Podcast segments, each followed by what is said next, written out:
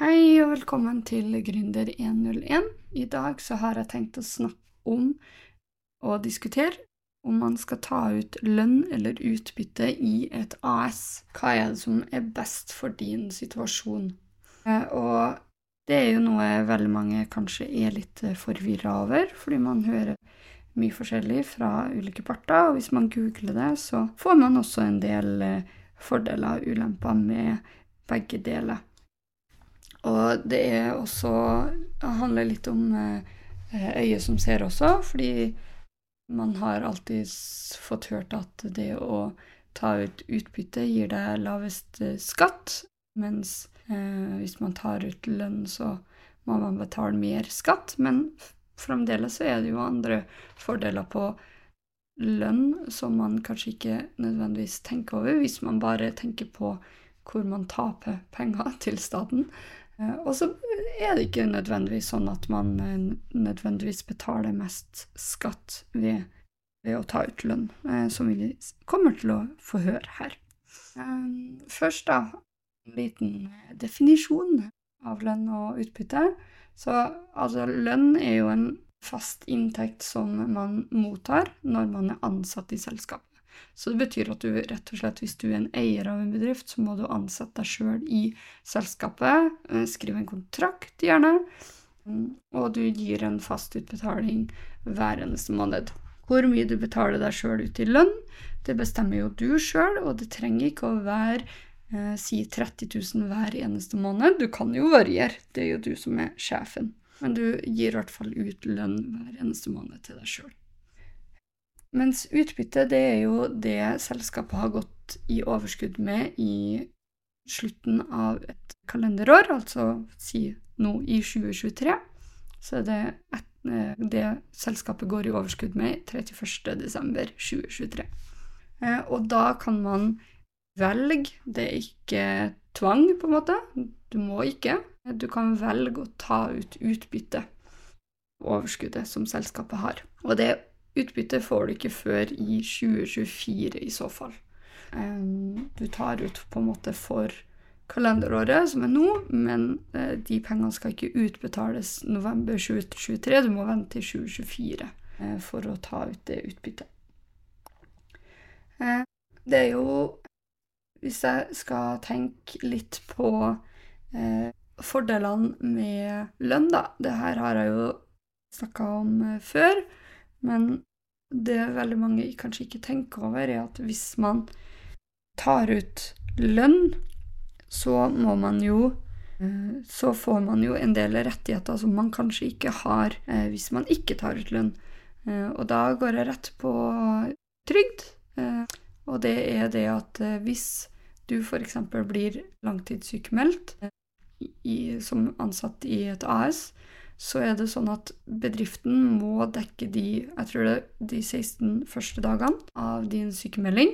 Eh, så det er jo et tap for bedriften.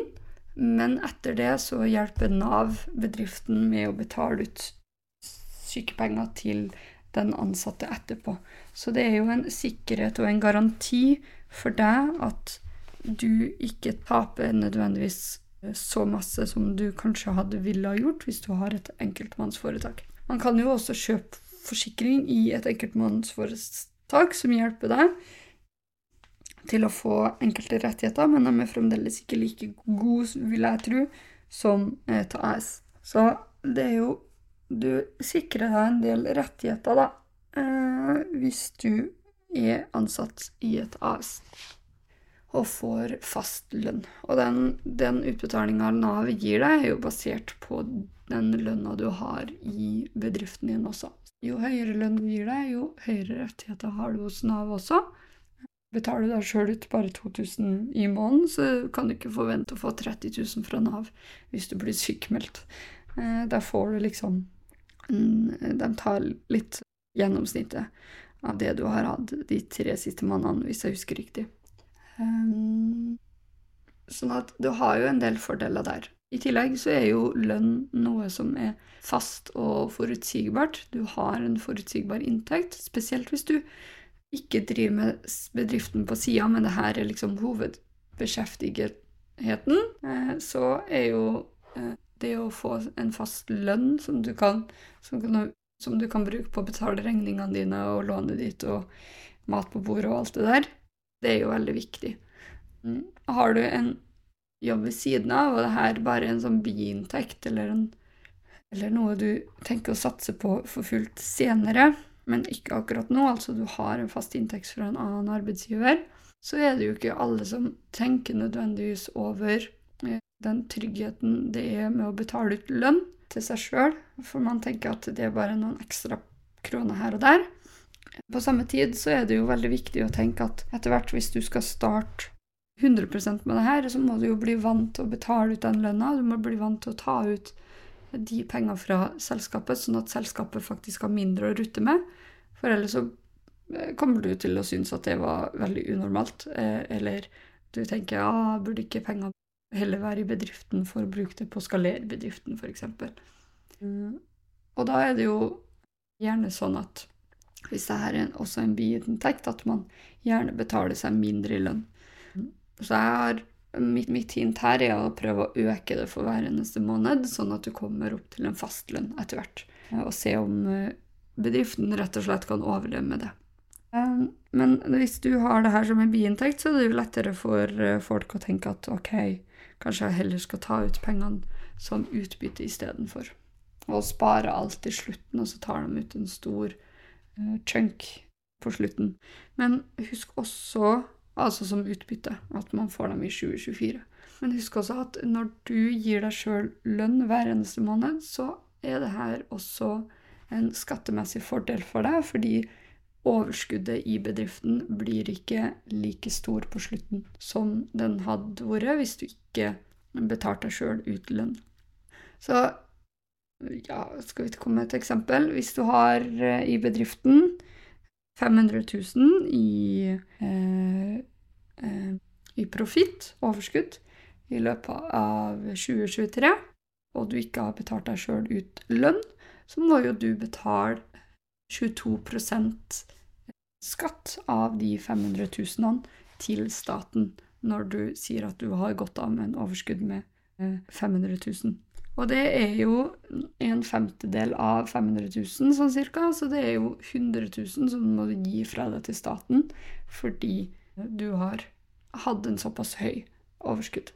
Eh, har du hatt en lønn da på 300 000 det året, altså du fremdeles teknisk sett hadde kommet til å gå 500 000 i overskudd, men så har du betalt deg sjøl ut 300 000 i lønn i løpet av de, det året, så har jo du ville hatt en kun et overskudd på 200 000. Fremdeles må du betale 22 av 200 000, som vil si at det er en femtedel av 200 000, og da har du måttet betale sånn ca. 40 000 til staten istedenfor. Men fremdeles har du fått lønna di i løpet av året. Sånn at man må liksom tenke etter, da. Eh, hva er det som er fordel og ulempe mellom det her?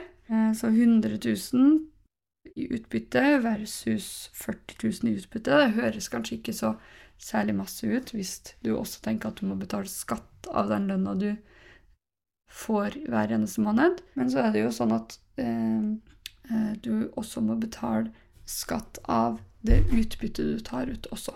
Så de 100 000 går automatisk ut av selskapet til staten. Og så, av de 400 000, så kan jo du velge å ta ut et utbytte. Og da må du nok en gang betale ut skatt fra selskapet. Staten vil ha mer, eh, og da må du betale mer av de 400 000 til staten for å få ut de pengene. Og eh, Skal vi se Så eh, hvis du skal ta ut penger da, fra de 400 000 du hadde i overskudd, så må du betale 37,84% skatt på utbyttet. Og da blir jo det totalt en del mer enn det du kanskje noen ganger har tenkt deg eh, var det du hadde lyst til å betale. Sånn at noen ganger så må man bare regne ut hva det er fordelaktig at du tar ut eller ikke. Så eh,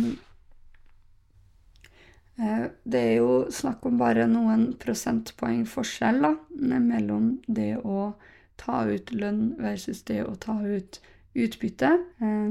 Det slo opp en, et innlegg fra Danske Bank, og da eh, sto det noe om Fordi jeg var litt nysgjerrig på ja, men hva, hvor stor forskjell er det mellom det å ta ut lønn versus det å ta ut utbytte.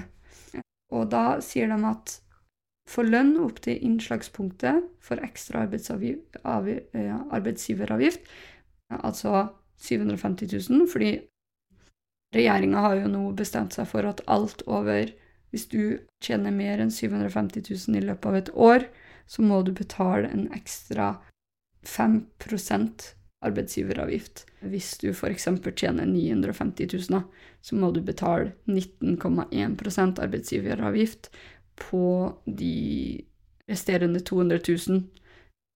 Så de tenker ikke på det akkurat nå. Eh, men de sier at hvis man har en lønn opp til 750 000, så er marginalskattesatsen lik 50,4% Men det her er fremdeles lavere enn marginalskattesatsen for utbytte og selskapsskatt, som er 51,5% Sånn at Danske Bank mener at hvis man vurderer å kun betale lavest skatt inn til staten, så må man altså ta ut litt mer enn 750 000 i lønn før man velger å ta ut utbytte. Fordi det gir rett og slett skattemessige fordeler til selskapet. Og så er det noen som tenker ok, men må man velge enten lønn eller utbytte da? Nei, man kan gjøre begge deler. Så du kan rett og slett, hvis vi går tilbake til det eksempelet med at du har en, egentlig et overskudd på 500 000, da. Hvis du da velger fra januar til desember å betale deg sjøl ut lønn tilsvarende 300 000 i løpet av et år, og du sitter igjen da med et overskudd på 200 000, så kan du jo fremdeles velge å ta ut utbytte av de 200 000. Du kan velge å ta ut alt, eller du kan velge å ta ut deler.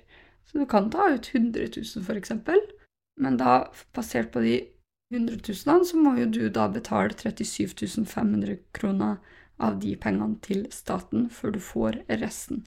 Så du får sånn ca. to tredjedeler, og staten får en tredjedel.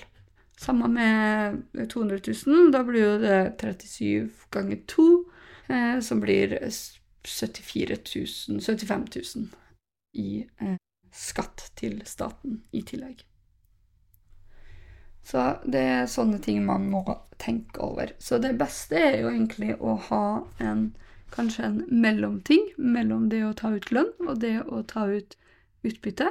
Altså snakka om i en tidligere episode noe med profit first, at man burde sette av 5% av alle inntektene burde settes av i en pott til profitt, sånn at du vet at du alltid setter av penger til et eventuelt overskudd. Samme gjelder fordi det kan bli sett på som en bonus for deg sjøl fordi at du har jobba ekstra hardt det året, f.eks.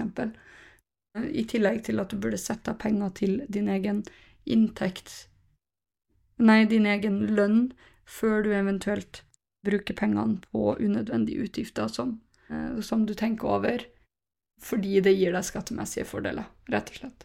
Altså, lønn gir deg skattemessige fordeler, og det å kjøpe en PC gir deg skattemessige fordeler fordi det er relevant for bedriften din, men noen ganger så kan det jo være mye bedre å gi deg sjøl ut lønn enn å kjøpe den PC-en hvis den ikke er nødvendig, på en måte.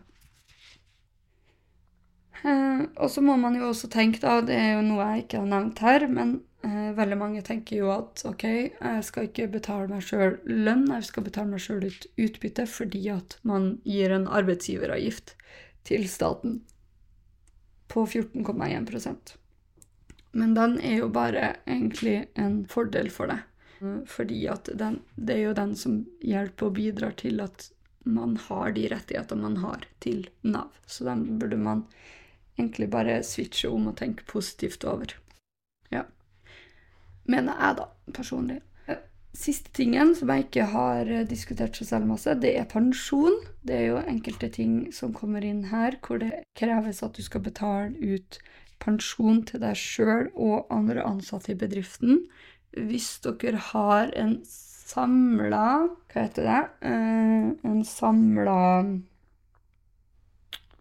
Ok, uh, omformulere, for jeg kom ikke på ordet. Hvis du, hvis du og flere ansatte, en eller flere ansatte i bedriften, har til sammen en 200% stilling, så må du begynne å betale ut pensjon til alle ansatte. Og da kan du ikke bare betale ut pensjon til deg sjøl, du må faktisk betale ut pensjon til alle de andre ansatte. Så da må du lage en sånn pensjonsspareavtale med en eller annen eh, bedrift eller noe sånt.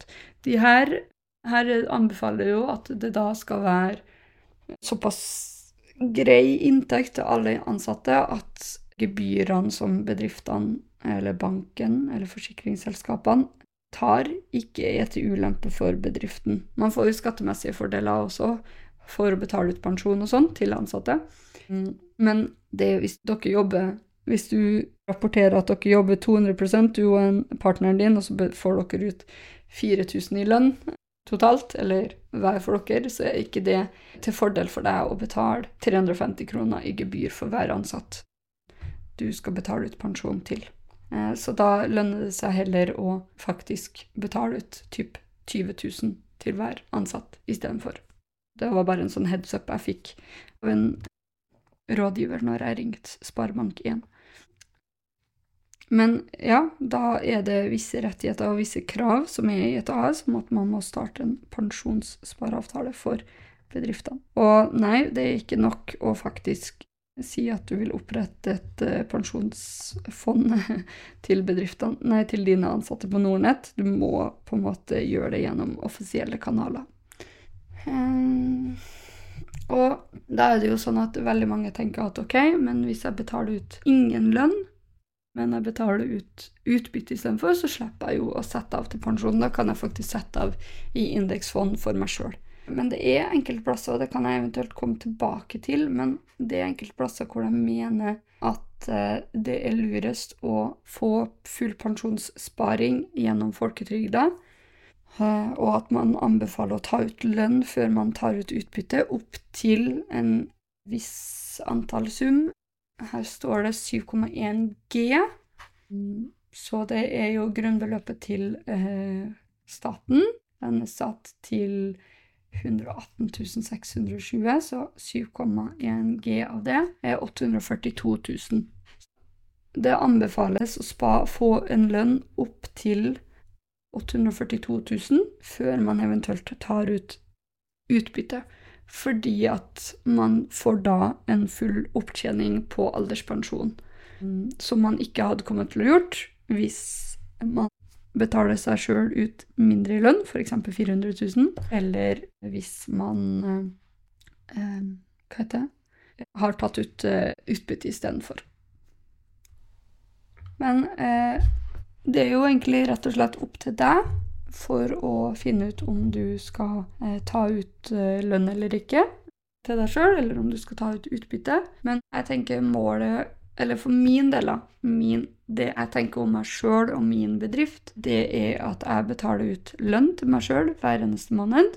Fordi det gir meg rettigheter, selv om jeg har en jobb ved siden av. Så gir det meg rettigheter hvis jeg blir langtidssykmeldt. I tillegg så vil det gi skattemessige fordeler for meg i min bedrift, at jeg betaler meg sjøl og andre ut lønn. Og så vil det også gi meg nå betaler ikke jeg Nå har ikke jeg eh, flere enn to ans faste ansatte i min bedrift, så jeg slipper egentlig å betale ut pensjon, så jeg har ikke begynt med det enda, men målet er jo å begynne med pensjonssparing også for meg sjøl. Nå gjør jeg det på privaten og setter penger til, til meg sjøl i indeksfond eh, gjennom Nordnett, eh, og jeg sikrer meg sjøl på en måte der. Og jeg er egentlig ikke den personen som bruker så særlig mye penger på privaten, så ja. Jeg starter heller AS, jeg. Jeg bruker pengene mine på å starte AS. Ja. Eh, så jeg har på en måte Selv om jeg ikke sparer pensjon i bedriften min, så har jeg da alltid i bakhodet at jeg må spare litt ekstra for framtida. I hvert fall nå når jeg går ned til 30% på den andre jobben min. Eh, og så tar jeg eventuelt et utbytte hvis jeg ser på det som nødvendig eller noe jeg har lyst til å unne meg ekstra når, jeg kommer til, til, stykket. Jeg må uansett betale 22% av overskuddet mitt til staten. Så målet må jo alltid være å redusere overskuddet til minst mulig uansett, hvis man kan det ved å kjøpe f.eks. kontormøbler eller en datamaskin eller en skjerm, eller bruke det på kurs eller et eller annet sånt som du uansett hadde trengt, men som du kanskje er litt redd for å unne deg, så er det lurt. Og så, hvis du har lyst på et overskudd for å treate deg med noe ekstra godt, så gjør du det. Men husk at du kan også treate deg noe godt på, eh, på bedriftens bekostning også noen ganger. Eksempel så er det mulig å ta en, et styremøte eh, på eh, Farrisbad, eksempel. Du får ikke dekka spa og sånne ting, men du kan faktisk eh, få dekka nødvendige tror du får dekka nødvendige overnattingsutgifter og sånn i bedriften, og du kan sette av mat og sånn på det. Mm, så hvis det er sånne ting du kunne ha tenkt deg, så er jo det eh, noe du kan unne deg i bedriften også. Så man må huske det også. Det er ikke alltid man tenker over det. Um, ja. Eh, man har jo noe som også heter skjermingsfradrag. Jeg nevnte det ordet i stad, men jeg snakka ikke så særlig masse om det. Og det er fordi at Uh, rett og slett fordi jeg har ikke satt meg nok inn i det ennå. Uh, det er jo fordi jeg nettopp har starta et AS. Jeg lærer mest med å erfare og gjøre ting, ikke av å lese ting. Men sånn kort så er jo skjermingsfradrag et skattefradrag for privatpersoner, sånn at Hva skal jeg si Som gjør at en del, en del av det overskuddet du har, eller det du Eller aksjeinntekt, eller renteinntekt på lån Veldig mye sånn ulike deler, da, som jeg ikke kan så særlig masse om. Det gjør at en del av den er skattefri. Og meninga med skjermingsfradraget er at man skal kun være skattepliktig for investeringene sine. Altså, det å eie en bedrift er jo også en investering. Så man skal bare være skattepliktig over en viss avkastning. Og det er egentlig for at man ikke skal tvinge noen som har kanskje vært heldig et lite år og tjent 2000 kroner, f.eks., skal betale ekstremt mye skatt og sitte igjen med nesten ingenting. Det er ikke særlig motiverende. Så man må passe på å eh, benytte seg av skjermingsfradraget sjøl. Så hvis du eier en aksje f.eks. i flere år uten å selge eller motta utbytte, så kan man få faktisk få opparbeida seg et skjermingsfradrag som trekkes fra i skatteberegninga når man faktisk mottar utbytte eller selger aksjene i et senere år. Så det her er jo rett og slett på aksjene du eier som privatperson du får skjermingsfradrag på.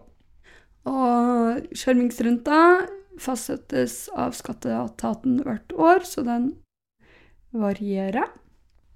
Um, og akkurat nå så er skjermingsfradraget for 2022 1,7 Eh, så hvis man tar et eksempel, da så Hvis man har kjøpt et aksje, nei, aksjer i et selskap, altså du har starta din egen bedrift for 30 000, og du det påfølgende året får 600 kroner i utbytte, så er det en avkastning på 2 Da er Hvis Og så kommer det et eksempel til. Nå tar jeg det her fra, en, eh, fra fiken, rett og slett. Så hvis skjermingsrenta er på 0,6 så betaler du i dette eksempelet bare skatt som om avkastninga var på 1,4 Sånn at du mm, Hva skal jeg si Du, du betaler mindre i, eh, i skatt, da. Eh, og hvis denne årlige skjermingsfradraget er på skjermingsrenta er på 1,7% så betyr jo det at du egentlig betaler skatt som om avkastninga var på 0,3 rett og slett, så du betaler nesten ikke skatt i det hele tatt. Men det her blir litt for eh, avansert eh, for meg, og jeg må sette meg rett og slett mer inn i det, og så kan jeg eventuelt lage en podkast-episode eh, senere om det.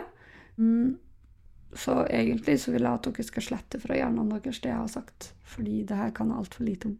Men det kan jo sies da, hvis det er noen som faktisk er interessert i det her akkurat nå, så har skatteetaten.no de har en egen kalkulator for skjermingsfradrag, rett og slett. Så da skriver man inn inngangsverdien, altså det du betalte for aksjen, hvilket år du kjøpte aksjen, om man har benytta skjermingsfradraget ved utbytte. Hvis jeg tar meg, da mm, Ok, det blir kanskje litt Skal vi se. Jeg kan bruke 2022. Så hvis jeg skriver 30 000 der, så skriver jeg i 2022 um, om jeg benytter skjermingsfradrag for utbytte. Nei. Har jeg realisert eller solgt aksjen i løpet av 2022? Nei. Trykker neste, så får jeg ut eh, beskjed om at jeg har en skjermingsfradrag på 510 kroner. Så det vil si hvis jeg tar ut utbytte i det selskapet som jeg satte inn 30 000 for i fjor, så reduserer jeg min skattepliktige inntekt, altså hvis jeg tar ut utbytte, så reduserer jeg eh, utbytte Eller de trekker fra 510 kroner fra det jeg egentlig skal betale til staten. Da. Så det er en fin måte å se på det på. Jeg skal bare endre hvis jeg har kjøpt aksjer i et selskap i Ikke i fjor, men i 2006, da.